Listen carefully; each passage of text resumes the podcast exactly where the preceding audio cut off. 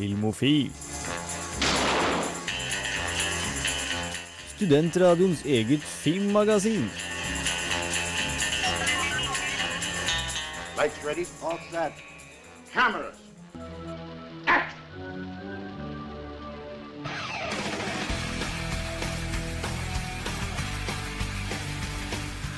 Hjertelig velkommen eh, skal du nok en gang være til Filmofil her på Radio Revolt på denne dagen den 31. i tiende, eh, eller for som dere amerikanere kaller det, eh, halloween. Fordi den har vi jo tydeligvis importert til eh, Norge, som eh, annet har gjort meg litt bitter. Hva skal man snakke om på en halloween-sending av Filmofil? Nei, det må jo selvfølgelig gå i skrekkfilmer. Vi skal annet anmelde skrekkfilmene Your Next, Insidious 2 og The Purge. Og selvfølgelig skal vi snakke litt om Thor 2, som har kinopremiere denne uka. Eh, Jens Erik Våler heter jeg. Med meg i studio så har jeg med meg Kristine Eriksen. Hallo, hallo. Og jeg har med Henrik Ringel. Morgen. Hei sann. Har du det bra? Ja da, veldig glad for å være med i Film- Filmofil og prate om, uh, prate om film. Du sitter her med skjerf, er litt forkjøla. Jeg er, sitter alltid med skjerf, det er fryktelig kaldt her.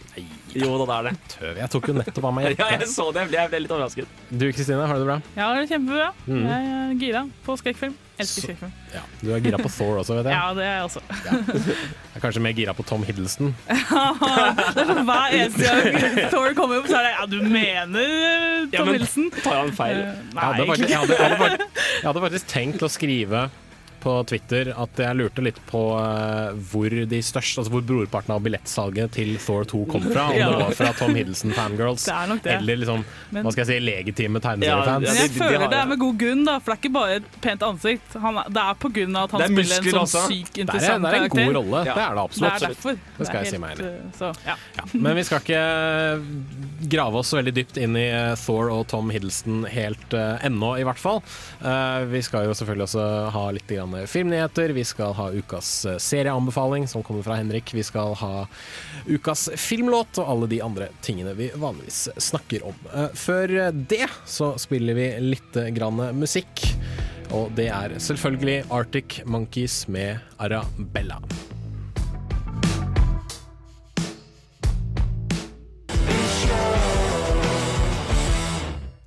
Arctic Monkeys der altså, låta Arabella fra deres eh, femte studioalbum AM, som ble sluppet den 9. september.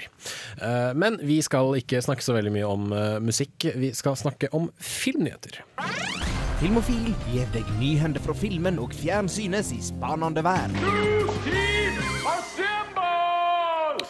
Og eh, aller først så kan vi eh, Så har jeg funnet en eh, ålreit filmnyhet for de som er fans av filmen 'Trolljegeren'.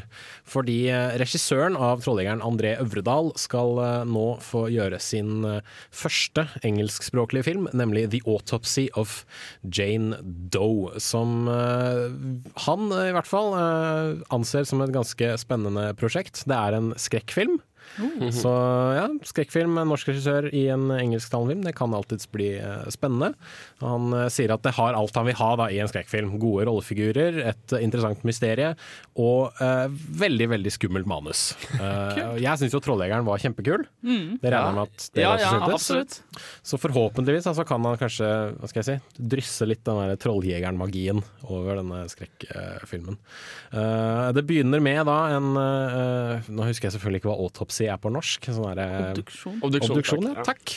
Eh, Av en eh, kvinne som var ung, og hun var vakker, og tydeligvis drept. Og så må man jo da selvfølgelig finne ut av eh, hvem som har drept henne, hvem hun var. Og så eh, følger blottet en far og en sønn som er eh, sånne Hva skal jeg si? de henter lik da, fra crime scenes og sånne ting. Ja, er det bare om amerikanske skuespillere? Er det han med seg noen nordmenn, eller? Så vidt jeg har skjønt, så er det stort sett amerikanere som skal være med i dette her. Men kanskje han lurer med seg en eller annen nordmann. Hvem Ja. vet? Det har jo skjedd eh, før, i hvert fall. Så vi får se. Men eh, jeg syns det blir spennende. Jeg syns alltid det er kult når eh, norske filmskapere blir gjenkjent for talent, og får lov til å liksom flekse sine filmmuskler i internasjonale farvann. Kristine, slenger ordet over til deg. Ja, da har jeg en nyhet som ja, er det er håpfullt, kan vi si. At det handler om eh, den Highlander-rebooten som vi hører stadig rykter om. Som eh, alle fans eh, Jeg vet ikke, Håper vi på en, en reboot, eller åssen er Altså, jeg, tror vi, jeg, jeg tror vi håper på en bra reboot. Ja, det det. En, en, Altså, en ren reboot. ja, for, de, for de som ikke kjenner til Highlander, det, det, det var godt en gang. Ja. Og så kom, en det en, og så kom det en oppfølger, og den var skikkelig dritt. Og så kom det enda en oppfølger, den var helt OK. Så kom det enda en oppfølger, den var skikkelig dritt. Og så kom det enda en oppfølger, den var skikkelig dritt. Ja. Så, Så det er bra sammendrag. There, there could be only one, but there was five. og det er altså eh, Vi hørte da før at den hadde en regissør, og Ryan Reynolds skulle kanskje være med, men så skjedde ingen av de delene. Men nå har vi fått en ny regissør til prosjektet, og det er en som heter Cedric Nicolas Trojan. Oi. Og han har, så vidt jeg ser på IMDb, ingen Han har én director credit eh, på en sånn shortfilm som heter Carrot vs. Ninjas. Og ellers har han bare drevet med visual effects på eh, mange storfilmer. da. Eh, Blant annet Pirates of the Caribbean-filmer, The Ring, eh, eh, One Hour Photo, eh, Snow White and the Huntsman og sånne typer filmer. Så eh, han skal da prøve seg i regissørstolen. For første gang. Altså, han, Ja. kan jo, ja, da, han kan jo tydeligvis effekter, da. Ja, og det er jo bra, for en Highlander-film må jo Ja. ha awesome effekter. Det var jo, altså, ja, når, liksom, når disse lydene kommer Ja. og alt den der quickening-greiene og sånt. The og det, quickening! Ja. det Men tror er jeg kan bli spennende. Er det, er det et tilfelle altså Var den første filmen Det ble jo regissert av Russell Malkay. Var, var han kjent når han gjorde det, eller er det noe Tror greie? ikke det. Han har gjort han mest, ikke han har gjort mest sånn altså han, han da hadde mest gjort eh, musikkvideoer.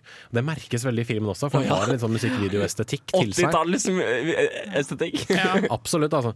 Men eh, nei, altså, den, den har et sånn fint mysterium rundt seg, den første Highlander-filmen, så kanskje de klarer å liksom pumpe litt av det tilbake i en eh, remake. Ja. Jeg håper liksom at de ikke bare gjør det stort og flott, og så har de glemt liksom hvorfor den originale traff det der sære punktet mellom humor og, og badass. Liksom. Det Ja. det er, eh, han, han trenger en ny Sean Connery, i hvert fall. En annen fyr som kan være seriøs Som og kan være egyptisk spanjol med japansk sverd og skotsk aksent. Det, det trenger vi. Jeg vet ikke hvem det skulle være, men eh, det blir spennende å se. Ja, vi får i hvert fall håpe at uh, Altså, jeg håper at det blir bra, i hvert fall. Hvis det blir dårlig, så kan de bare drite i det. Um, litt om eh, Star Wars nå, fordi eh, i går, altså den eh, 30. oktober, var eh, ja, ifølge Cinema Blend eh, den viktigste Star Wars-årsdagen du ikke har feiret. Eh, Alle tenker selvfølgelig på at May the 4th er jo da, altså 4. mai er den liksom store Star Wars-dagen. Men uh, i går, uh, og for et år siden, så ett år og en dag siden, så solgte Så ble Lucasfilm kjøpt opp av Disney, og så sa de hei, vi lager Star Wars 7. Ja, Så- Men det blir spørsmålet Er det liksom om noen år, da når vi har fått disse filmene Vil vi kommer se til- tilbake på dette her Ja, med- med- Kommer vi med til å feire, eller Nei, det, ja, det vet jeg ikke. Det blir spennende. Det aner jeg ikke, men eh, det blir, det blir spennende å se i hvert fall. Uh, men det jeg gleder meg mest til, sånn årsdagsmessig, det er denne Back to the Future Day om Ja. ca. to år. Det blir gøy. Ja, uh, som var liksom da, da, da har vi tatt igjen Ja, 25. McFly. Ja. oktober 2015. Yes. Så 25. oktober 2015. Da, da kom vet, Martin McFly. det, til det 2015. sier litt. Så nå må Spielberg bare kjøre på med en Jaws i 3D, og så må Mattel lage sånne her hoverboards, og så må vi skaffe oss flyvende biler. Dette må skje i sånne, to år. sånne jakker som tørker seg selv med bare Ja, må og sko som bare liksom, det trenger vi. Ja, eh, snører seg selv. Tenk halloween på det året. Herregud. Eh, vi skal ha en ny runde filmnyheter etter at vi har hørt litt mer musikk. Her får du Death by Unga Bunga med låta You're an Animal.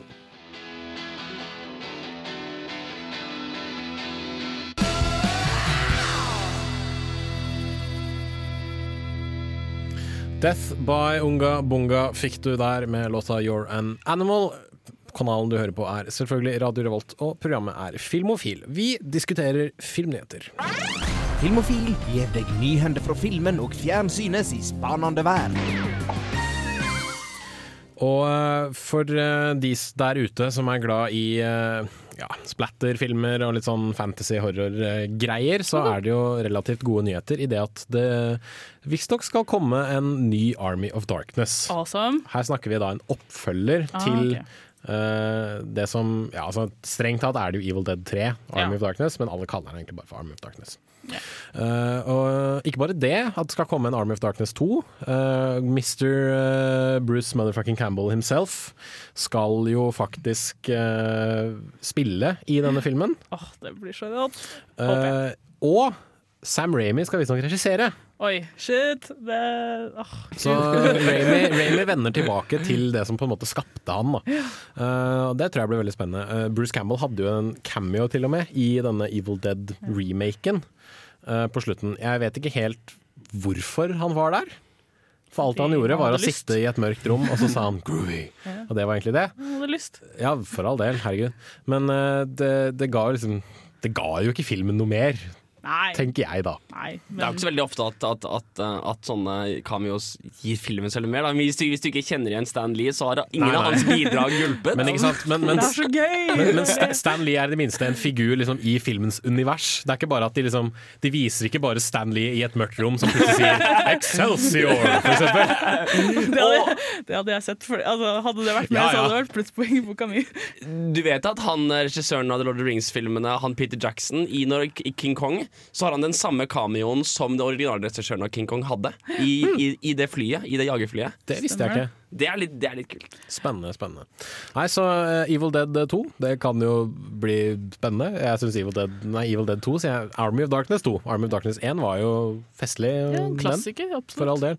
Klassiker Kultklassiker, Ja, er en sånn, Kultklassiker, da, kan man jo si. kultklassiker, da. Det er det jeg mener. Så hvis du eh, nettopp merket at din eh, filmatiske At du fikk en liten sånn filmatisk banner av dette her, så way to go. Og eh, til slutt, eh, angående filmer som eh, det ryktes at skal komme. Nå har Sony Pictures sånn stort sett bekreftet at vi får en filmversjon av eh, 90-tallsserien Captain Planet. Eh, det er ingen reaksjoner på det. Nei. det? Ingen nei, vet hva jeg- Captain Planet er? Jo, jeg veit det? jo hvem det er, og jeg så vel litt på det, men det er sånn, jeg har så vage minner om det. Okay. Jeg ikke- Explain! Hvis du ikke vet hva Captain Planet er, uh, kort oppsummert så er det at uh, moder jord har samlet sammen fem ungdommer eh, for å eh, kontrollere hver sin bit av elementene. Men Jens Erik, sier du kanskje, det fins jo bare fire elementer. Eh, og ja, det er sant, men i Captain Planet så får disse ungdommene evnene til å eh, kontrollere ild, luft, jord, vann og eh, hjerte, eller heart, om du vil. Jeg må bare ta litt umbrage. Det Det er veldig mange tradisjonelle fremstillinger som også har med såkalt ether som et femte Absolutt, element. absolutt. Så- Og i Japan så er jo eh, Ja. jern og uh, tre eh, Ja, elementer. Så. Og elektrisitet burde være noe i moderne tid. Men uh, uansett, da. Det er fem ungdommer som skal bekjempe forurensning og ondskapsfulle jævler som forsøker å være slemme mot miljøet. Eh, og når deres individuelle krefter ikke er nok til å bekjempe disse menneskene, så slår de sine krefter sammen og påkaller Captain Planet. En uh, ja, sølvfarget mann med grønt hår og liten rød truse. Stemmer det. Nå den... kommer minnene tilbake. Er det den voksenfilmen? Nei, dette er tegne... Altså, det, Ja. det er en Spør om filmen kommer til å være Ja, mer jeg, jeg, Filmen jeg, kommer jeg, vet ikke om det er en adult movie. Jeg mener, er det for voksne? Nei, dette er for barn. Dette Ja, blir en okay. live action-film for barn. Ja, tenker jeg. jeg kan ikke se for meg at de kommer til å gjøre. Nei, jeg, jeg, vil ikke, jeg, Captain jeg, vil ikke at Captain, jeg vil ikke at Captain America skal få Nei, Captain Planet skal få Nolan-behandlingen, Ja, ja, f.eks. kommer man, Eh, Og så blir han sånn der kopperfarga istedenfor, for det er Ja, litt mer sånn uh, gritty. han, han, um, kommer plutselig med, med en sigg i kjeften og bare Ja, Nei, nei, det går til helvete her om dagen. Han og- skikkelig emo, så derfor han får håret sitt grønt og sånne ting. Nei, nå er vi slemme. Ja, men uh, hvem som skal spille hvem, det aner man jo ikke ennå. Uh, de fleste håper sikkert på John Cheadle etter uh, Funny or Die-sketsjen han var med i. Eh, så vi får se, kanskje. Men jeg tror det teit, det blir det nok uansett. Det var eh, vår siste runde med filmnyheter for eh, denne gang, i hvert fall for denne sendingen av Filmofil. Vi skal eh, gå over på ukas kinopremierer. Først ut er Christer Kank sin anmeldelse av The Purge. Men før den tid så skal vi høre litt på Californiasurferen Alalas med låta som heter Every Girl.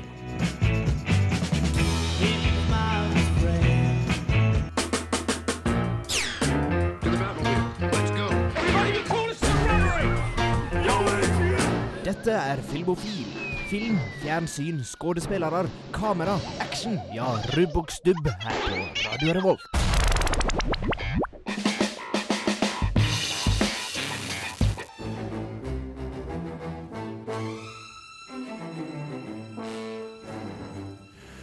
Elvis Costello og The Roots, det er altså låta 'Refuse to Be Saved' fra plata som heter så mye som Wise Up Ghost. Filmofil er programmet du hører på, og vi er eh, inne på ukas kinopremierer. Og selvfølgelig, siden det er eh, halloween-uka, eh, det er jo selvfølgelig 31. oktober i dag, så er det jo på sin plass å, at kinoene viser litt skrekkfilmer.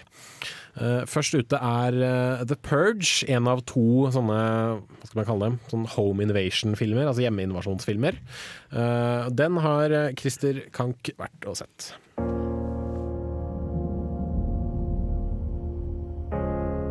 Se for dere et samfunn der arbeidsledigheten er nede på 1% Det er rekordlite kriminalitet, og vold er så godt som fraværende fra gatene. Nei, jeg snakker ikke om dagens Norge, men USA i den utopiske fremtida datert 2022, slik manusforfatter og regissør James DeManco ser den for seg. Og siden det her er snakk om amerikanere, kommer en slik fred med en pris. En blodig en. Tonight allows people a release for all the hatred and violence that they keep up inside them. En gang i året kastes nemlig Amerika ut i en tolv timers lang unntakstilstand kalt The Purge, eller utrensinga. Brannvesen, ambulansepersonell og politi trekker seg tilbake, og all kriminalitet tillates. Til og med mord. Den politiske baktanken er den at dette utløpet av voldslyst gjennom denne ene natta vil temme borgernes indre villdyr i årets resterende 8748 timer. Why don't you guys kill someone tonight? Because we don't feel the need to, Johnny. Just remember all the good the purge does. The Purge er et nasjonalt fenomen, men filmen utspiller seg i et anonymt high-end-nabolag og rundt familien Sandin. Faren i huset, James, spilt av Ethan Hawke, har tjent seg rik på å selge sikkerhetssystemer, spesialdesigna for å holde de som har råd til det, trygge gjennom Purge-natta. Gjennom filmens første minutter males et karikert bilde av forfengelige høyborgere med flatt humør. Det prates tørt rundt low carb-middagen mellom mann, kone, sønn og datter, drikkes rødvin og lyttes til klassisk musikk. We'll fine like always. No worries, okay? Huset stenges av når klokka tikker inn mot purge-tid. Men familieidyllen blir brutt da sønnen i huset, Charlie, gir etter for moralen og slipper en blodig og hjelpeløs fremmed inn i huset, som ly fra terroren i gatene utafor.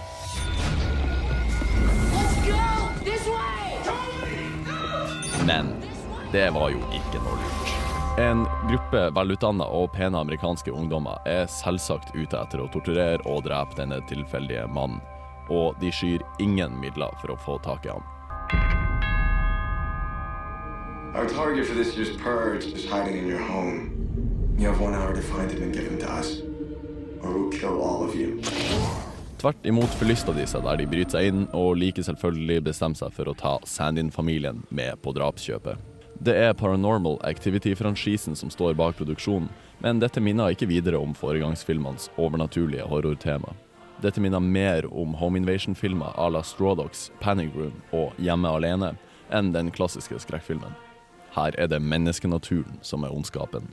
Men filmskaperne skyr ikke midler som skumle masker, høypitcha barnelatter og kvinner med mansjeter i hvite kjoler for å gjøre det hakket mer skremmende.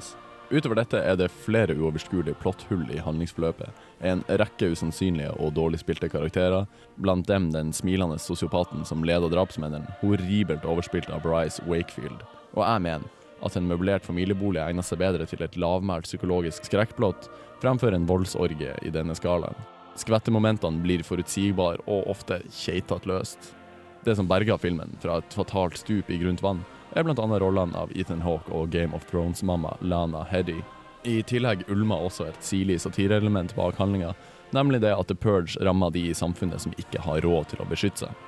Men det at hvite høyborgere i Amerika er rik og trygg fordi de fattige drepes og utnyttes, er vel strengt tatt tema for en dokumentar og ikke en actionfylt skrekkfilm. Jeg anbefaler alle å sjekke ut nettstedet newfoundersamerica.org, som spinner ut fra konseptet. En spikeren på hodet-aktig regjeringsmelding satt til USAs The Purge fremtid. We're gonna make it through tonight. and everything is gonna be okay. Nothing is ever going to be okay again. God satire, middels god skrekkfilm. Terningkast tre.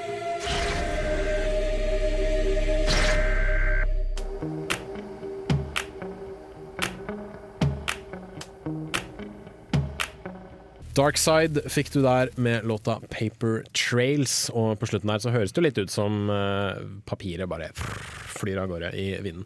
Før det så hørte du Christer anmelde The Purge, som eh, ble omtalt som en ganske helt eh, midt på tre-grei skrekkfilm. Det ble vel en terningkast tre til slutt, så hvis det er din greie, hvorfor ikke dra på kino og se den? Eller så kan du bare spare på pengene dine. Altså, det er jo den store kinodagen på lørdag, så skrekkfilm til halv pris, det vil jeg kanskje si er verdt det. Det, Kan være, det kan være litt, litt mye utsolgt, kanskje. det kan det være, men uh, Fortsatt. Skitt samme. give it a shot. De filmene som blir utsolgt først, er jo storfilmene. Ikke sant? Thor, uh, Don John tenker jeg blir utsolgt. Gravity. fort. Gravity, førpremiere. Ikke sant? Så disse skrekkfilmene, kanskje de er eh, ledige ennå. Hvem Ja. vet. Fra eh, en skrekkfilm med et, uh, hva skal jeg si, moderne og det? Nytenkende. Nytenkende Nei, ikke nødvendigvis nytenkende. Eh, Originalt plott. Nei, de, eh, satirisk plott Ah, til, eh, til overnatur og eh, hjemsøkte barn. Ja. Insidious 2, Insidious 2, The Next Chapter, kommer på kino eh, denne helgen. ja. ja det, jeg har ikke sett Insidious 1, Nei. men det har du, jeg har sett Ja. eh, eneren, for jeg er, den, jeg er vel den eneste i som film og gidder å se som, skrekkfilmer. som liker skrekkfilmer. Eh, og syns det er veldig gøy. Og det, jeg er litt sær, for jeg liker også dårlige skrekkfilmer. Så jeg er, sånn, jeg, jeg er litt sånn masochist, tror jeg. At jeg Kanskje. ser på disse, alle disse her. Um, så hvis du ikke har sett eneren, så er det rett og slett å bare holde for øra i dette, denne diskusjonen. Fordi Insidious 2 følger direkte etter Insidious 1, så du vil kunne gjette hva som har skjedd, men det er poenget med å se den bli borte. Altså. Det er, Det er nok lurt å se den første filmen først. Ja, um, Men det er snakk om en, altså, kort oppsummert første filmen, det er en eh, familie som blir hjemsøkt. Ja, de flytter inn et hus, og guttungen ehm, han er, altså, han, det er på en måte han som er hjemsøkt. Da. Han havner i en slags koma, og så viser det seg at det er en slags demon som har på en måte festa seg til han og vil possesse han. Da. Eh, og så eh, finner han ut det at han, uh, han kan astral projecte. Og det vil si okay. at han kan forlate kroppen, sjela kan forlate kroppen, og han kan liksom gå rundt i sjelenes verden. Eller jeg kaller det for skjærskille, da, for Ja. det, er der spøkelsene er også. Og han blir på en måte borte. Da, ikke sant? Det er derfor han havner, kroppen hans havner i den komaen, fordi han på en måte vandrer av gårde og blir fanga av den demonen. Uh, og så uh, ringer de da et medium, som er sånn standard i sånne filmer. Mediumet kommer og ser på huset, og så viser det seg at hun har også hjulpet eh, faren når han var liten. For han hadde så å Far si og sønn har samme evner, rett og samme slett. problemet, ja. Mm. Og så må da faren uh, Astro project, astral Projectet. Projisere seg selv. ja, Mhm. eh, og hente sønnen, da. Redde sønnen fra demonen. Eh, og liksom, Insidious 1 slutter jo med at vi oppdager at det er noen som har kommet tilbake med dem, Ah. og at faren er sannsynligvis besatt av eh, et spøkelse som, han, som var hjemsøkt, hjemsøkte han når han var en gutt, og en slags bilde av en gammel kone som hele tida er i bakgrunnen. Og her fortsetter da toeren. Ja, så å si direkte. Det er liksom fra én scene. Så er det det da- en, en bra film? Uh, ja, altså på mange måter er den bra for, for sjangeren sin, da kan vi si. Det er jo det ofte det blir til. Eh, den, jeg tror mange ble redd av den. Jeg var ikke så redd, eh, men jeg syns den var interessant fordi den hadde litt rar stil. eh, og den gjorde noe unikt. da. Det er ikke så mange som faktisk går hele fullt ut uh, La oss Astral Projecte, liksom. Det, det er mer sånn oh, det kan være ordnet til det, eller kanskje det var i hodet deres. Vi vet ikke. Så det likte jeg, at den filmen går fullt ut for det. Um, ja. Men toeren ah, den lider litt av den sånn oppfølgersyke, tror jeg. Mm. den eh, Ja, vi følger da familien, eh, men nå veit vi jo at det er et eller annet i faren. Så han kommer til å prøve seg på en litt sånn type The Shining bli Ja. gæren-syndrom. Mm. Eh, mens eh, mor, mora, bestemora og resten av de mer sånn Ghost Hunters-gjengen, som jeg kaller dem, de drar for å finne ut hvem denne gamle damen var. Spennende, spennende. Vi eh, slår en strek der og hører litt på en låt før du skal få lov til å fortsette. Det er jo radio, så vi må prøve å holde det litt sånn innafor visse tidsbegrensninger. Men eh, ja, det høres jo absolutt spennende ut. Her får du We Are Twin The Way We Touch.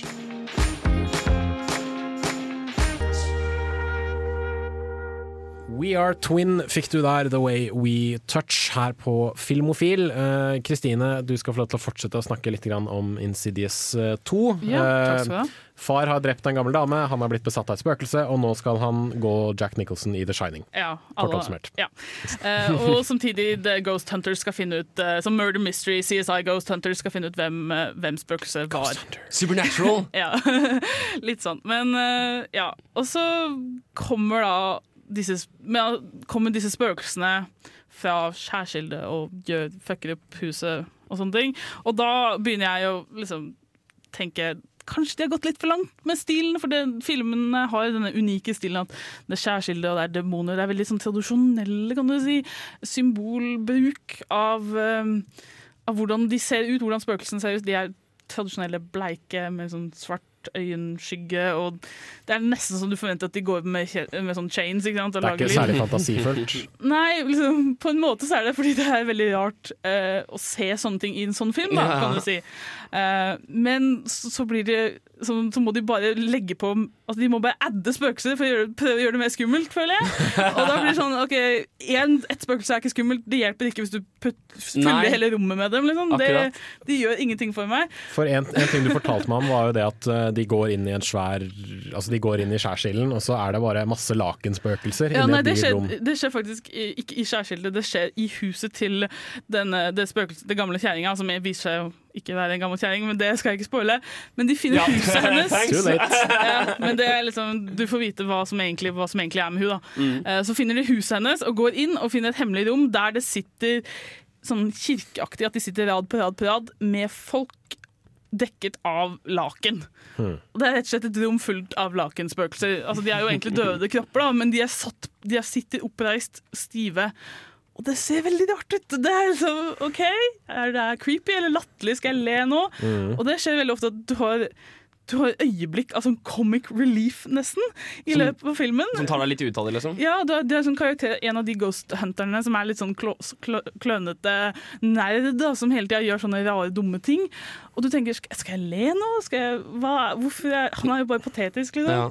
Og nei, det, den er veldig sånn, litt sånn hulter til bulter, tror jeg, den filmen her. At den prøver kanskje litt for mye. Jeg tror hvis den hadde fokusert på sønnen og faren og dems Forhold. ja, forhold, og at, det, at de deler denne evnen, hadde vært veldig fascinerende. Men istedenfor så prøver han liksom å fokusere på oh, hva, hvem var denne mystiske damen, og, og gjør det hele til en slags murder mystery-opplegg.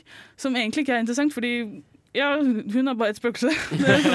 Ett av mange. Ja, liksom- Så du de 17 andre i rommet her? ja, Liksom? Det finnes døssevis av dem, og liksom, de går inn i skjærskillet, og, og de, de finner liksom minnene til den gamle kjerringa og spøkelset. Og det skal liksom være sånn super creepy, men det virker bare sånn Tim Burton-esk. Liksom. At det, er, ja, meg, ja. liksom, det blir helt feil.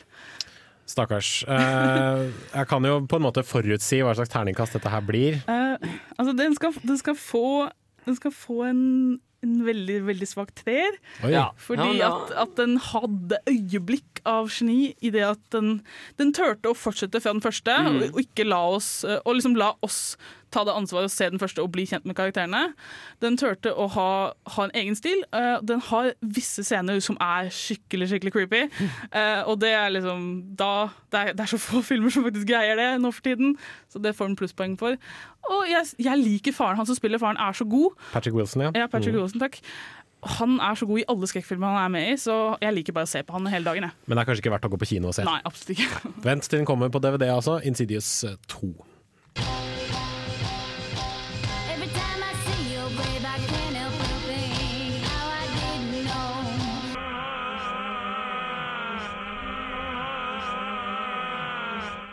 US Girls der altså, med låta 'Overtime'. Jeg syns den der eh, greia kan stå litt i bakgrunnen, fordi den er jo litt sånn eh, skummel. Den er litt, den er litt creepy. Ja, litt grann. Ta så Si det nærmere mikrofonen, så hører vi deg kanskje. Den er litt creepy. Nettopp, takk. Uh, apropos creepy ting, uh, skrekkfilmer. Jeg har vært og sett skrekkfilmen Your Next, uh, som i likhet med The Purge er en litt sånn nære House Invasion-type film. Det høres litt ut som en parodi av en skrekkfilm. You're next. Ja, det, uff, det skulle, man skulle tro det, men nei da, det er den dessverre ikke. Eh, men ut, altså den, den har liksom ikke så mye av de samme sånn, satiregreiene. Da. Eh, det det i bunn og grunn handler om, er at en rik familie møtes i foreldrenes nye hus, som er ute på landet et eller annet sted. Og grunnen til at de er der, er fordi foreldrene har bryllupsdag. Så da er det foreldrene, selvfølgelig. Det er eh, tre sønner og deres kjæreste, og det er datter, datteren og hennes Datter. kjæreste. Og så eh, plutselig så ser kjæresten til denne datteren noe utenfor eh, vinduet deres. Og så går han opp til vinduet, så ser han ut, og så, så får han en armbrøstpil skutt inn i panna. Oi.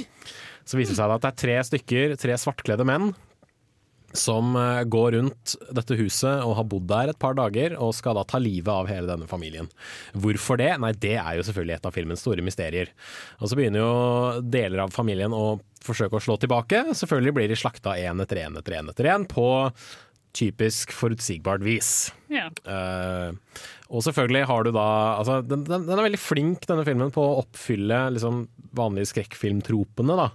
Du har at liksom, han, som vi snakka om i løpet av låta, at han som er kanskje fysisk sterkest, og han som er liksom sportskaren, han blir tatt ut først. Uh, og han, eh, liksom, bro, han eldstebroren, da, som er en sånn skikkelig drittsekkjævel, han, lider i- han lider mest i løpet av filmen. Uh, så har du, du har denne typiske final girl-jenta som viser seg å være oppvokst på en sånn survivalist ja. compound i Australia, så hun begynner jo selvfølgelig å kjempe mot disse gutta med en gang. Hun er hardcore, Hun liksom. er skikkelig hardcore. Men det er så utrolig forutsigbart. Ja. Hvem som kommer til å dø når, og hvordan de kommer til å dø, og hvem som kommer til å forråde hvem. For meg så hadde jeg begynt å hatt en drikkelek da, liksom. Ja. Hvis du greier å gjette det, så drikker du. for eksempel, da, dette, dette er å ikke avsløre altfor mye, men uh, datteren dør på eh, sånn relativt kreativt vis, og da blir jo mora helt hysterisk. Da tenker jeg at ok, vi må få henne opp i andre etasjen, så hun kan legge seg ned og liksom bare grine ut. og Roe og ja. ro- roe seg ned og grine ut, ikke sant. Og med en gang hun legger seg ned, tenker jeg at nå ligger det noen under senga. Og så lukker de døra. Hva skjer? Det kommer en hånd ut fra under senga. Der ligger det en mann med machete. Machete, til og med. dreper mora, da, selvfølgelig. Uh, Da og- sier du bingo, og så.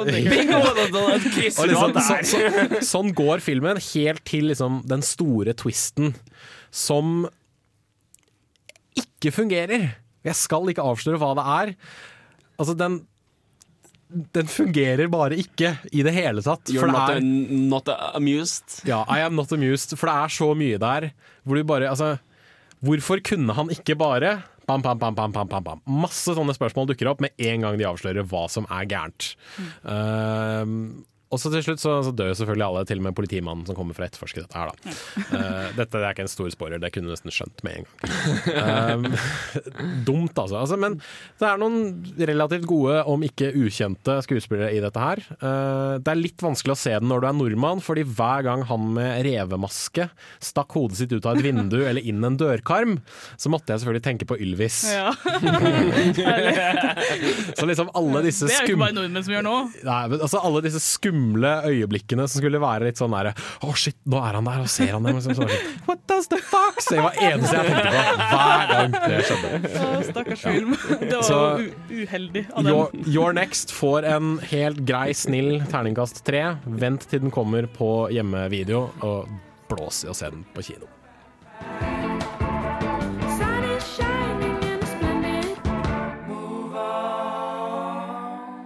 Broen der altså, med låta She Will Never Shiver. Filmofil er programmet du hører på, Radio Revolt er kanalen, og vi er på ukas kinopremierer. Og den eh, store, store, største storfilmen som kommer ut denne uka, er jo selvsagt Thor The Dark World, eller bare Thor 2, om du vil. Eh, Den har Kristine vært og sett. Her får du hennes anmeldelse. Det er en fin tid for nerder verden over. Vi nærmer oss bortskjemte tilstander når det gjelder superhelter. Sommeren var høytid for helter på kino, men året er langt fra ferdig. Thor The Dark World er nestemann ut.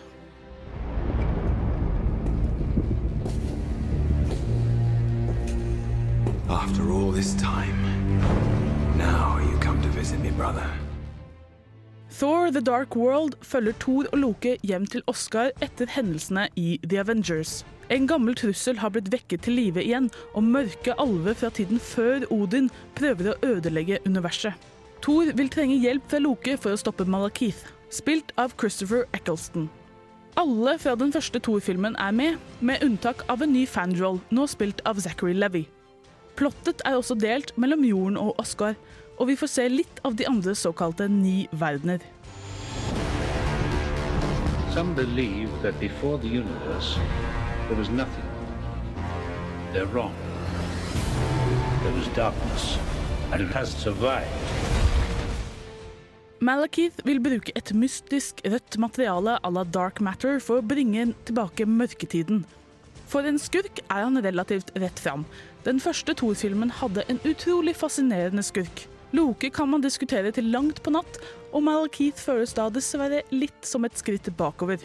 På mange måter prøver filmen å bruke han som et bakteppe for dramaet vi egentlig bryr oss om, nemlig Thor og Loke. Men sånne universødeleggende planer må man bruke mye tid på å stoppe.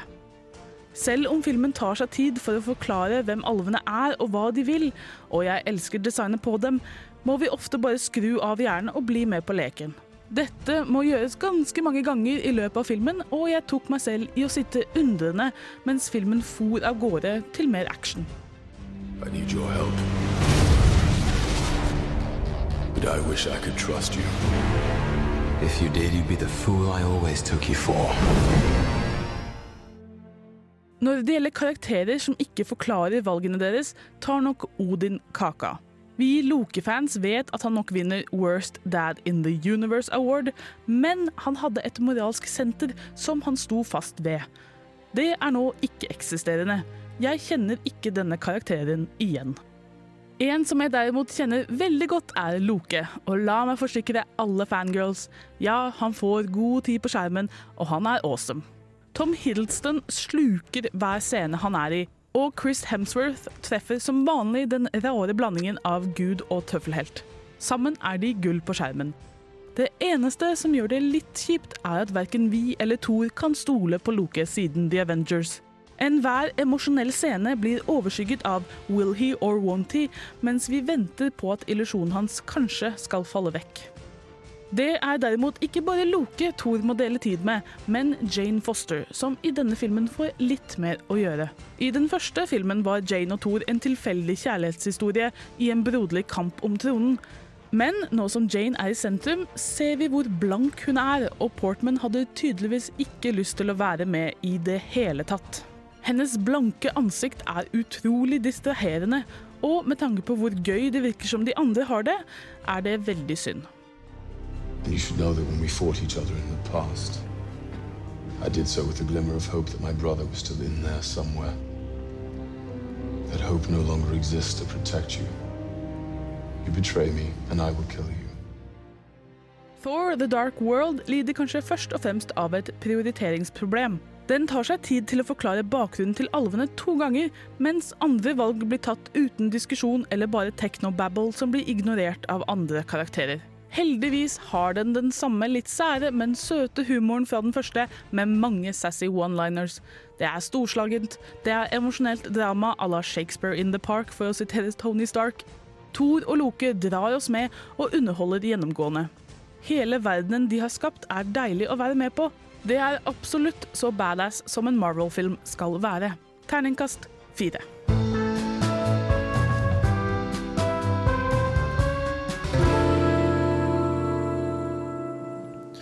Osk hørte du der med låta 'The Gesture I Just Made Means I Love You'. Og eh, hvis du syns dette her var stilig, så kan du jo kjøpe EP-en som er ute nå. Men vi snakker ikke om musikk, vi snakker om film, og Kristine har nettopp anmeldt uh, Thor The Dark World, som fikk en terningkast fire til slutt. Ja. Jeg har kikka litt på hvordan filmen har blitt mottatt uh, i Norge, og det er altså det laveste jeg har sett, er vel en uh, treer fra Dagbladet, og det høyeste jeg har sett er en femmer fra Filmpolitiet. Så vi er litt sånn i Ja. ja, Noen mener at dette er oppfølgertrøbbel, og mange mener at dette er uh, fuck it, tegneserieunderholdning, kjør på. Ja, Kjempemorsomt. jeg vippet frem og tilbake mellom de to mange ganger i løpet av filmen. Ja. Og jeg satt ofte og tenkte ja, men hvor skal ikke vi ha litt forklaring på det? Nei, OK, bare fortsett. Den er grei. Mm. Og så liksom glemmer du det, og så kommer neste spørsmål, og så tenker du ja, men Er det, er det en ting eh, veldig mange moderne filmer gjør nå? At liksom, de, Ja, de holder en del informasjon tilbake? For jeg, jeg, jeg hørte at det var en Jeg har ikke sett Wolverine-filmen selv, men det var, et, det var liksom kritikk eh, Ja, av Wolverine-filmen. At du visste ikke helt hvorfor folk gjorde det de gjorde. Ja, det er veldig mange sånn Altså, du må bare akseptere dems motivasjoner eh, Ja. på, uten å egentlig forstå dem i det hele tatt. Og så, i, samtidig så har den der at de henger, eh, henger det største mysteriet liksom, i bakgrunnen. Og så, så når det kommer og du skjønner hele greia, så bare å ja, OK. Og, og det, med Thor så er det sånn heller at det er ingenting Det er veldig mye sånn der her skulle det vært technobabble. Altså, jeg, jeg, Det burde vært en eller annen form for forklaring. ja, Ja. Altså, selv om den forklaringen ikke ville ha vært logisk i vårt univers, så trenger på en måte Vi må guides inn i Thor-universet, Mm, ja. og noen ganger så skurrer denne overgangen mellom vårt og dems. Og Mm. jeg, er helt for at eh, liksom, vi har rare rødt materiale, ether, som skal liksom, ødelegge ting. Det er helt OK for meg, selvfølgelig. Men jeg vil gjerne ha litt sånn ja, Hvor bare kom det fra? Hvorfor er regler det for hvordan det fungerer. Ja. Sånn at jeg Mm. kan se OK, hvis han gjør det, så kommer det til å skje. Mm. Uh, Men det får vi egentlig aldri noe særlig. Eller vi får sånne, sånne linjer som blir bare slengt ut. Sånn er det. Å ja, OK. Og så Skjønner. må vi bare gå videre. Og ja, det er liksom greit nok for noen, men hvis du, hvis du ser den i et humør hvor du er veldig kritisk, så kanskje det ikke er så lurt. Skjønner. Men det er jo tydeligvis eh, nok innhold her til at du blir underholdt. Ja, og det er Eh, mest på og- grunn av ja. Altså, jeg kan jo se på meg men, Fangirl! Fangirl! Ja. Som, eh, som nevnt tidligere i dag, jeg lurer på hvem som eh, tar den største kaka av billettsalget. Om det er Hiddleston fangirls, eller om det er faktiske Marvel-fans. Ja. Mm. Men å eh, jeg tror det Jeg, jeg regner med at det blir sånn 50-50 til Det går an å være begge deler, skal jeg bare si deg. Det gjør det absolutt. Og jeg det det absolutt. er av den, i den boksen at jeg elsker Loke som karakter, men jeg kan fremdeles kritisere liksom, hva de Mm. gjør. Og i filmen så er det sånn Ja, han er awesome, og Tom Hilsen han er som sagt Han sluker um, Sluker enhver scene han er med ja, og han, um, han spiller herlig. Han har det gøy. Du ser bare at han har det så gøy. Men samtidig så har du det problemet at hver scene så sitter du bare og venter på hvordan skal han liksom lure oss nå? Ja. Og det gjør at det mister litt av kraften sin. Så jeg vet ikke Det kunne kanskje Det er vanskelig å gjøre sånne nye ting med han karakteren, tror jeg. jeg tror ikke Ja, noen ikke vil, han har- Uansett hvilken retning du går i, så vil noen ikke akseptere Ja, og ikke minst nå at han har blitt så etablert som eh, hva skal jeg si, the, the trickster, som de kaller Ja. det på engelsk. Altså han, som- han lurendreieren, han som alltid har en, et ess i ermet, en plan i bakhånd, som kommer til å lure deg på en eller annen måte. Ja, og da tror jeg det blir vanskelig å gjøre ting han gjør, overraskende. Ja, du, fordi du tenker alltid at ja, men neste scene så kanskje han dobbeltcrosser det igjen. Mm. Ja, så det, du veit aldri hvor det ender opp. Og selv uansett hvor gøy han har det, så får du problemet at hvis du redeemer han, Mm. så vil mange si at nei, det er usannsynlig. Men hvis, du, hvis, han går, hvis han blir helt ond, så tenker du så kjipt, du wasta en karakter. Ja, ikke sant? Så det, det går Men ikke. hvordan er det med dette liksom, broderforholdet mellom Thor Det og er, Loki? det er så herlig. Eh, Det elsker jeg mest av i hele filmen. er noen scener hvor de, hvor de krangler, og de, er, de greier denne kranglingen så bra. Kanskje fordi jeg har en søsker, søster selv, så Ja. jeg kjenner igjen mange av sånne eh, små bitchy kommentarer. Og Loki er åh, Jeg må bare si forresten at det kommer en cameo i denne filmen her som nesten gjør opp for absolutt alle feil. Som jeg ikke skal spoile, men bare gled dere til den okay. mest herlige Marvel-cameoen ever. Er det, altså. fra, det er ikke fra Stanley? Nei, Stanley er selvfølgelig med, han òg, og han har en herlig liten kommentar. Men seriøst, når den cameoen her kom, så satt jeg bare og holdt på å begynne å grine av latter. Så jeg elska det. Jeg er veldig spent. Helt til slutt, er det en scene etter rulleteksten? Ja, men den er dårlig. Dessverre. Spennende. I want to tell you, but I don't know how. Yippee-ki-yay, motherfucker. Du lytter til Filmofil på Radio Revolt. Besøk oss gjerne på våre nettsider på radiorevolt.no. Der finner du meldinger av kino- og videopremierer, og i tillegg podkast av alle våre sendinger. Har du ris eller ros, tips eller triks, kontakt oss gjerne på elektronisk post. Filmofil, krusedullalfa, radiorevolt.no.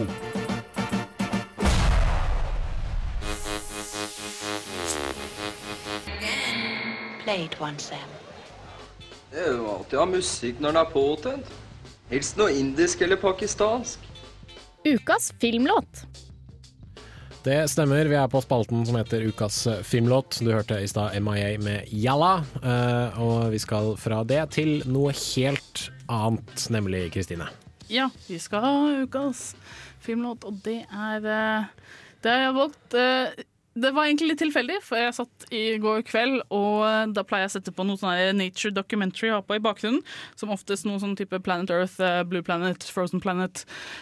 Noe sånt noe. og denne gangen var det South Pacific jeg satte, opp, satte på, med mm. selveste Benedict Cumberbatch som stemme. Så det, det er en sånn herlig ting å ha i bakgrunnen, hans uh, dulcet uh, tone som bare går der. Og da åpnet uh, serien med låta 'Somewhere Over The Rainbow' av David Mitchum, er det vel han heter? Mm. Som er den der lille ukulele-versjonen. Og da kom bare minner fra alle mulige strender i alle mulige filmer opp i, hodet. Og jeg, jeg kan ikke komme på en spesifikk en, eh, men det Den har vel blitt brukt sånn cirka overalt. Ja, jeg jeg, jeg vet at den har blitt brukt i en episode av Scrubs, som, Ja. har, som er full av Wizard of Oz-episoder.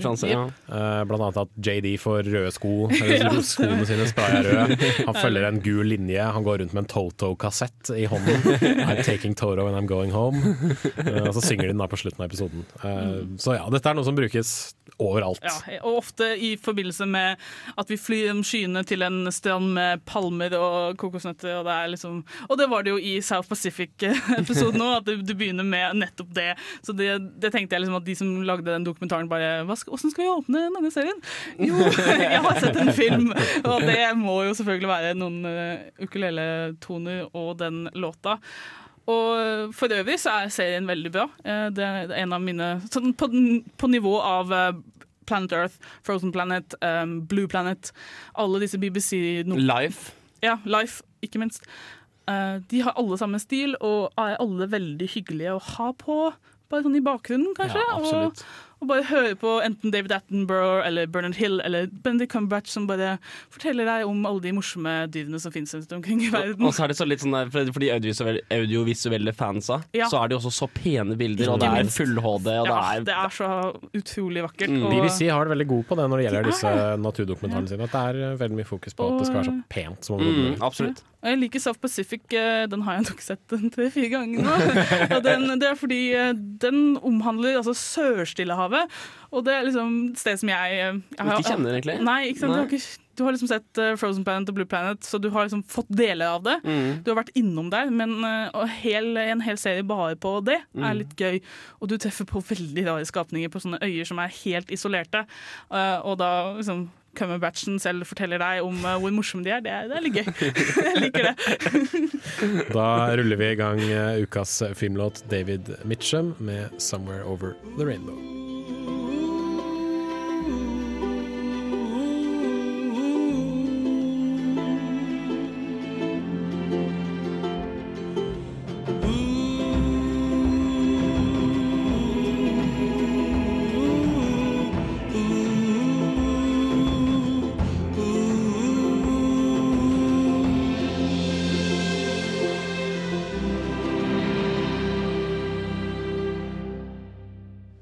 Dette var veldig spesielt. Eh, Jeg vet ikke hvor, hvorfor vi har en 40 minutters sample fra den eh, låta inn i sendinga. Vi kan si det a cappella. Skal vi Nei. Nei, det Men ja, det, det var en smakebit, i hvert fall. Den anbefaler vi varmt at våre lyttere drar og hører på, Den er ligger en fin sikkert fullt på YouTube. Jeg vet ikke hvorfor vi bare hadde den uh, lille versjonen.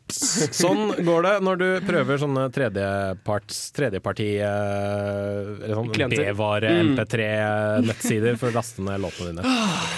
Beklager, det gikk litt sånn til helvete, men eh, ja. Vi går videre og har litt videonytt. Nytt i videohylla. Rykende ferske digitalfilmer som du kan ha i din heim.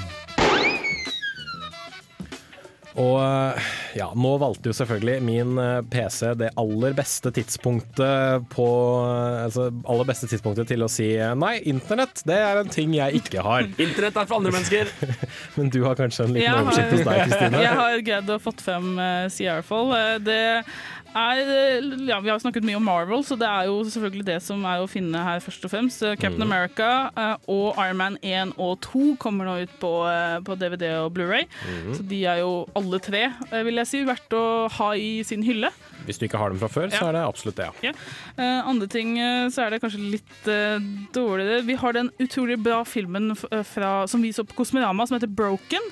Eh, som jeg likte veldig godt. Jeg tror det var en av de, en av de beste på, på festivalen. Ja, det var den, ja, med, Tim godeste Roth. Tim Roth. Ja. Den fikk jeg faktisk aldri sett. Åh, den var, så det var litt bra. eh, dumt, Det- så den må jeg nok få kjøpt på, Det på absolutt Blu- på få med den. Eh, Så har vi en, eh, en serie som jeg ikke har sett, men fått anbefalt mange ganger. Og det er en serie som heter Call the Midwife. En britisk ja, serie. Ser, Altså, det, er, det er det jeg kaller en mammaserie. ja, som tydeligvis jeg er, er Men, fan av. nei, herregud, du skal ikke kimse av mammaserier. Jeg har sett jeg veldig mye på Desperate Housewives. Ja, så, okay. Ja, så den skal jeg se, og skal få tak i. Så jeg oh, glemte selvfølgelig å nevne Thor. Eneren kommer også på, eh, på Blu-ray. Selvfølgelig. Eh, Og så har vi en annen eh, litt sær film som jeg så for litt siden eh, på Netflix. eh, Upside Ja, Down. den syns jeg ser veldig interessant ut. Åh gud, Hvor skal jeg begynne med den filmen her? Det er liksom konseptet at eh, det fins to verdener som er eh, på en måte klistra mot hverandre, slik at våres opp er deres ned. Ikke sant? Du ser opp, og så ser du bare en hel by speilet nedover. Litt sånn som i Inception. Ja, og det er veldig Ja, den ene, stilig. ene scenen, ja. Det er veldig stille, og, sånn, og så har du denne kjærlighetshistorien. At det er liksom en gutt fra nede forelsker seg med en jente fra Mm. oven. Og det er kanskje en Eh, sånn subtekst at de som bor nede, er de som er fattige, de som bor oppe, er de som er rike. Jeg kan ikke spoile filmen, da, Jens Erik. Nei, men det er liksom premisset. Det er premisset at Det det Down jeg på er noen spoiler, altså. Down Under er liksom de fattige, og det er Jim Sturge, uh, Sturgis og Kristen Dunst som spiller. Mm. Og det er liksom Ja, konseptet er dritkult, og det visuelle er dritkult. Og så faller hele logikken pladask sammen i løpet av filmen. Og du tenker, du prøver hele tiden å kjempe deg gjennom fordi det er en søt kjærlighetshistorie, og de er søte sammen, men så tenker du hele tida ja, men hvordan i all pokker skal dette fungere? For de setter opp visse regler. Sånn og sånn fungerer ikke sant? De har sånn at eh, Du kan ikke bare gå opp eh, liksom, Du kan ikke bare ta på deg en vekt og så stelle deg liksom, på den andre verdenen. Tyngdekraften er faktisk diametralt motsatt for de Ja, to altså verdenene. Den deler seg, den snu, vender Mm. seg halvveis. Ikke sant? Så Mm. hvis du klatrer opp til et visst punkt. Men du, du fra nede vil alltid dras nedover. Motsatt Ikke sant? vei, ja. Så selv om du er på bakken der oppe, så vil du på en måte bare begynne å falle hvis du ikke har noe å holde deg i. Mm. Uh, og de har også en sånn regel at ting fra nede som går opp, eller motsatt, vil begynne å på en måte brenne opp hvis det er i kontakt med den andre verdenen for lenge. Herregud, Eh, dette høres for det, det, skal jo det skal jo forhindre at, at folk bare blander seg, og i tillegg eh, gjøre, bruke det som en slags energibilde. da, at, at de oppe bruker energi, altså bruker materiale ah, ja. fra nede for å skape energi. Snakker om Eh, plottet vanskelig for deg ikke selv. sant? Herregud, Og så- altså. Men dette her funker jo ikke, fordi når han skal da prøve å finne henne der oppe, så bryter de jo denne regelen hele tida. For de tenker ja, men skal ikke han brenne opp, liksom? med Klærne hans, hva skjer? Nei, det er så mange plotholes der. Altså. Uff. Apropos filmer som ikke funker, som også er ute på Blu-ray og DVD denne uka. Uh, After Earth, regissert av M. Night Shyamalan. Skikkelig, skikkelig drittfilm.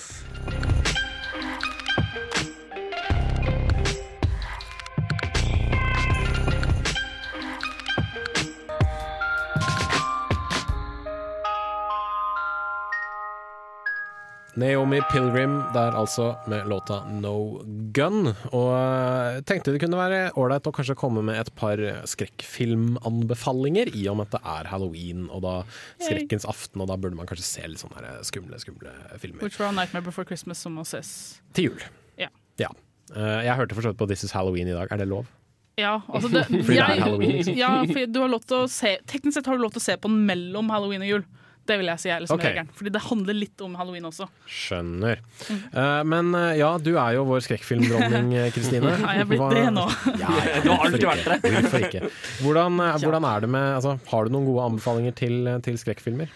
Ja, altså det er jo For meg så Jeg liker de som har den der ekle følelsen som sitter dypt inne.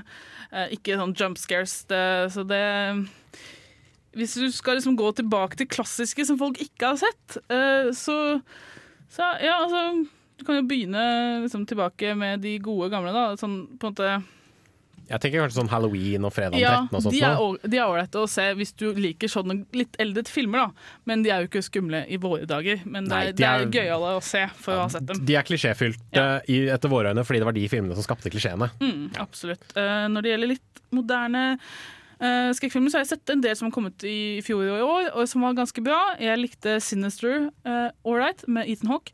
Uh, jeg likte um, The Possession til en viss grad. Eh, Den hadde han samme fra, fra Insidious, eh, Mhm. som du husker han på. Patrick Wilson. Ja, eh, og så Ja, du kan jo argumentere for Insidious 1 også, um, hvis du likte konseptet som jeg har snakket om nå. Eh, så kan vi jo ta også andre klassikere. Jeg syns at alle burde ha sett den originale Scream. Ja. For jeg, Den er ikke skummel, men den er, så, den er liksom det Scary Movie skulle ha vært. Eller liksom prøvde å være Mm. også. Det blir bare tull å begynne Yes, å snakke altså- om det, den tropen. Altså, Scary Movie bare sa at vi skal ta alt dette her og bare gjøre skikkelig narr av det. Ja. Jeg syns ikke Scream Altså Scream påpeker at klisjeene fins, Mm. men den oppfyller jo klisjeene i Ja, men ganske stor grad også. Det var det den på en måte skulle liksom- gjøre, da. Ja, men å peke på klisjeene er å liksom peke på klisjeene og så spille dem ganske streit, er ikke det samme som å liksom Nei, er- snu dem på hodet. da Det er et eller annet med den originale Skrik som bare vekker 90-tallsungen i deg til de grader. Så Hvis du du vokste opp på 90-tallet, så burde du nok se du Scream. i må se Scream til, uh, til halloween, altså. Og,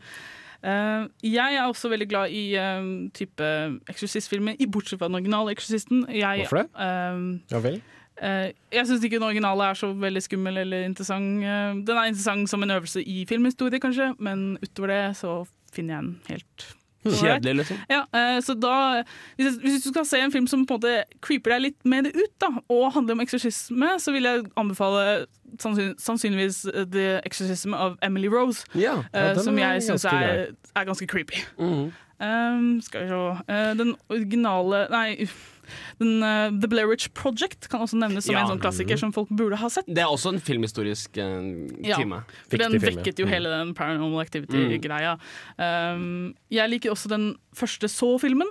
Absolutt. Ja, den første Den vil frike folk ut, tror jeg. Åh, det er en, en av de sånn type skrekk, type thriller, Mm. type grøsse greier som jeg syns er helt fantastisk. Som Ja. virkelig vekker noe i meg. Mm. Fordi den har Mm. alt. Det er, liksom, det er plott, det er spenning, det er gore, det er, Ja, det det er har litt av hvert. Og ikke Eh, minst hvis man tar i, tar i betraktning det at den ble spilt inn på sånn, Jeg tror den ble spilt inn på to uker. Ja. På Nei, liksom, ve veldig minimalt budsjett. Mm, de hadde ikke creepy. et manus liksom spikra, de måtte improvisere veldig mye. Og det, Mm. det, Det det, gjør seg veldig, veldig bra i sånne filmer, tror jeg. Liksom Elementet med liksom usikkerhet. Mm. Bare synd det ikke blir laget noen sequels.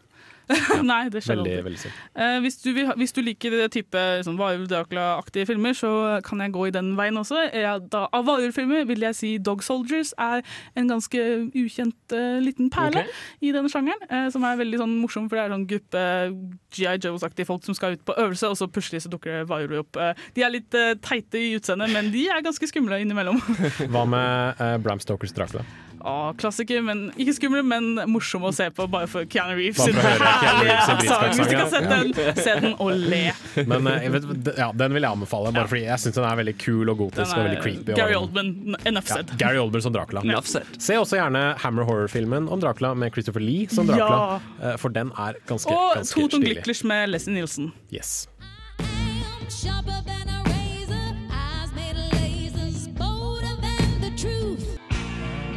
Hei! Hei! Det er ikke 90s sitcom-flashback. Ta og Skru på noe annet. Ja, bedre, men prøv igjen. Der, ja! Ahem. Filmofil presenterer ukas serie. Og eh, dette er jo eh, hva skal jeg si livlige og ganske så inspirerende toner, vil jeg påstå, Henrik. Ja Åh, nei, hva skal man si? Jeg, jeg er jo tekniker til vanlig og fikk nå den store glede av å kunne få til å ha ukas serie. Og da, for meg var det ikke noe spørsmål om hva jeg skulle ta. Jeg skulle ta The West Wing. Ja. Jeg er jo da fangirl til det ytterste. Jeg har sett The West Wing helt gjennom kanskje fem, seks eller syv ganger. Hvor mange en- sesonger er det? For- Det er syv sesonger. Å, herregud. Eh, Det, det begynte i eh, Jeg tror det begynte i 2000 Nei, det begynte i 1999 og varte til 2006. Det begynner i andre året til president, um, eh, presidenttiden til Jed Bartlett. Og, Spilt av Martin Sheen. spilt av Martin Sheen. Og serien følger disse folka som jobber i The White House. Følger Communication Director, det følger Deputy Communication Director, følger, følger uh, Chief of Staff. Følger også da presidenten i deres daglige drift. Både eh, personlig liv, kulturell, politikk. Var dette en slags House of Cards litt sånn før House of Cards? uh, jeg vet ikke. House of I Cards har veldig mye plotting. Ja. Mens i The West Wing så er det jo mer team som samarbeider for å, for å finne fram til løsninger og for å gjøre, gjøre morsomme av hverandre. Og altså dette er da den serien Første sesong Jeg beklager, jeg må bare si dette her. Eh, Første sesong vant den ni Emmys. Oi, wow. Det er rekord. Og den vant også um, Det vant også Emmy Best Drama fire første sesongene på rad. Oi, shit. Not bad. Den er på nummer fire av Empire Magazines 50 greatest shows of all time. Wow. The West Wing er, det er min greie. Altså, det er, det er altså, Det adresserer som sagt aktuelle poeng. Det adresserer øh, oljeavhengighet, den adresserer politikk, den adresserer maktsplittelsen i Amerika. Um, og, og etter 9-11 så hadde de en episode som het En episode som var den første i en annen sesong, sesong fem, husker jeg ikke helt, faktisk. Uh, som heter Isaken Ishmael. Som er en episode tatt ut av den kronologiske ordren. Som bare begynner med at de snakker om Hei, nå gjør vi en episode som handler om uh, denne kulturen rundt terrorisme. Og uh, gi penger til brann. Eh, gi, gi penger til, eh, til, eh, First til responders? Ja. I, og send penger til dette nummeret. Og så kjører de en hel episode Wow. om det. Og altså, jeg er så jeg, ah, Men for, ja, altså, jeg har som sagt aldri sett West Wing. Jeg, det er sånn uh, foreldreserie, kan vi ta det på den ja, ja, det er lov. Det, er lov. det, det, det på NRK2, hvis jeg ikke husker helt Men feil. eh, liksom, eh, hva vil du Altså nå, altså, Det var jo som sagt 1999 Ni, ja. den starta. Så serier har jo forandra seg veldig siden da. Ja. Så vi, hvordan vil du på en måte overtale en moderne en, eh, Altså, seer å gå tilbake til Det det, er et godt spørsmål. Altså, det Poenget med The West Wing var at de Altså, Det er så realistisk med tanke på at de lagde et sett som folk ikke har lov til å gå tours gjennom nå fordi det er så likt det ekte. Oi, wow. Der De kjører helromssett med belysning inn fra vinduene, og det er filmet så skikkelig, og de har hatt så mange folk den som føles ikke har gammel ut. Nei, nei, og det er så, Dialogen er så kvikk, Mm. og det er så intelligent, og det er så mye ting som faktisk er fortsatt dagsaktuelle. Er det på grunn av Aaron Sorkin? Ja, Aaron Sorkin er mannen som har skrevet dette. Jeg er så Aaron Sorkin-fan. Du har nyere The Newsroom, du har uh, The Social Network, du har Charlie Wilson's War, du har Sports Night, du har Studio 60. Og Du 60. se meg for Hiddleston! Nei, vet du hva? Vi kjører et bitte lite, lite klipp av presidenten som kommer på jobb eh, og, og prater med sine, sine folk. It seems to me if the event's over by 10, then I can be back here at 11. Yes, sir. And you know what that means? Yes, sir. It means you could watch the girls' softball game. Did you just snicker when you said that? No, sir. Yes, you did. Mr. President. Thanks, Lou. When you said girls' softball game, you snickered. No, sir. Yes, you snickered, as if to indicate there was something wrong with my wanting to see a girls' softball game live via satellite. Well, you seem pretty excited about it, sir. They're ready for you, Mr. President. Thanks, Phil. I am excited about it. You come to the end of a long day, you sit back, you open a beer, you watch a sporting event. That's what men do. They watch girls' softball? When that's what's on, that's what they watch. It's that or a cricket match between Scotland and Bermuda. Now, I am an educated man, Charlie, but when somebody tries to explain cricket to me, all I want to do is hit him in the head with a teapot. Good morning, Mr. Good morning, Patty. So it's softball. Sacramento State versus the University of the Pacific. Well, that's a clash of the titans. Now, Mr. you're not going to spoil my fun. I wouldn't want to. I'm going to get to the end of the day. I'm going to sit back, open a beer. and watch girls' softball. That's right. Good morning, Mr. President. Morning, sir. Hey, Steve. Hey, Mikey. Listen, have I gotten any of the names right so far? No, sir, but you came damn close on a couple of them. Okay. Det her var jo veldig veldig Sorkin. Veldig sånn pam, pam, pam, Ja! pam, pam, pam, pam, Og det er det jeg elsker med det. Jeg- Det er en kombinasjon at jeg ser opp til disse menneskene. Det er en kombinasjon at jeg synes det er fa- fascinerende det de snakker om. Men det er også det at det er så morsomt. Og jeg sitter og bare, jeg er, jeg er så fanget av det. Jeg, ble, jeg, jeg fikk lyst til å se det nå som jeg hørte det. Eh, Så det var da den, den litt personlige siden av det. Jeg skal da kjøre et raskt klipp til der du får litt mer den pol politiske siden av det. Der en senator som hører Jed Bartlett sin State of the Union, ringer til Josh for å si at vet du hva, du kan ikke holde på med det her. Jeg kommer til å, nå, nå er det et krig. Og så står Toby, uh, Josh og Sam og prater om at vet du, hva, han kommer til å ringe deg. Pass på. Get him on the phone. Josh Lyman, get him on the phone. I'm gonna reach down his throat and take out his lungs with an ice cream scoop. You're about to get a call. Yeah. Big call. Yeah. Powerful guy. Yeah. I'm just saying you're probably rocked back from the meeting last week. Oh, a little. They threatened you with a legislative agenda. Yeah. They made you feel powerless, and you're a little off your game. Yeah. Little gun shy. Leave him alone.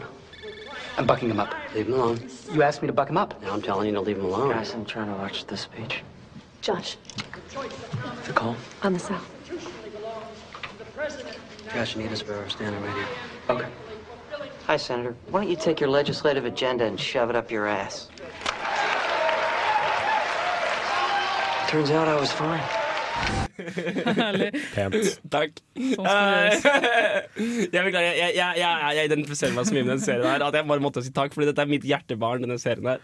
Jeg tror absolutt jeg må, jeg må prøve å Eh, sette meg inn i det. altså. Ja, ikke sant? Og det, og det, altså, la oss ta det viktige. Den er tilgjengelig på Netflix. Den er tilgjengelig som DVD-bokssett. Den er også tilgjengelig for nedlastning i HD. Eh, både på Amazon og iTunes. Nice. Så dette er, liksom, det er- det er syv sesonger med bare ah, Altså Jimmy sånn- Smith fra, fra um, Dexter sesong tre. Dexter sesong tre Mm. er, Han er nypresidentkandidaten. Og det er bare Og det er, det er, det er gjengangere fra andre Aaron Sorkin-show som man kjenner igjen. Og det er bare så Det flyter liksom bare inn i deg. Ja. Åh, kjærlighet. Walk and talk. Masse walk and talk. Walk and talk, dette er showet som oppfant Walk and talk, hvor de har veldig raske samtaler mens de går gjennom gangene i Det hvite hus. Så, men man må kanskje ikke Må man være interessert i amerikansk politikk for å like dette her? Uh, det er et godt spørsmål. Jeg var ikke det, men jeg ble det fordi de gjør det så kult. Kult. Så The West Wing. The West Wing, ukas TV-serieanbefaling fra Henrik. El Fata, Champion Sound, hører du nå.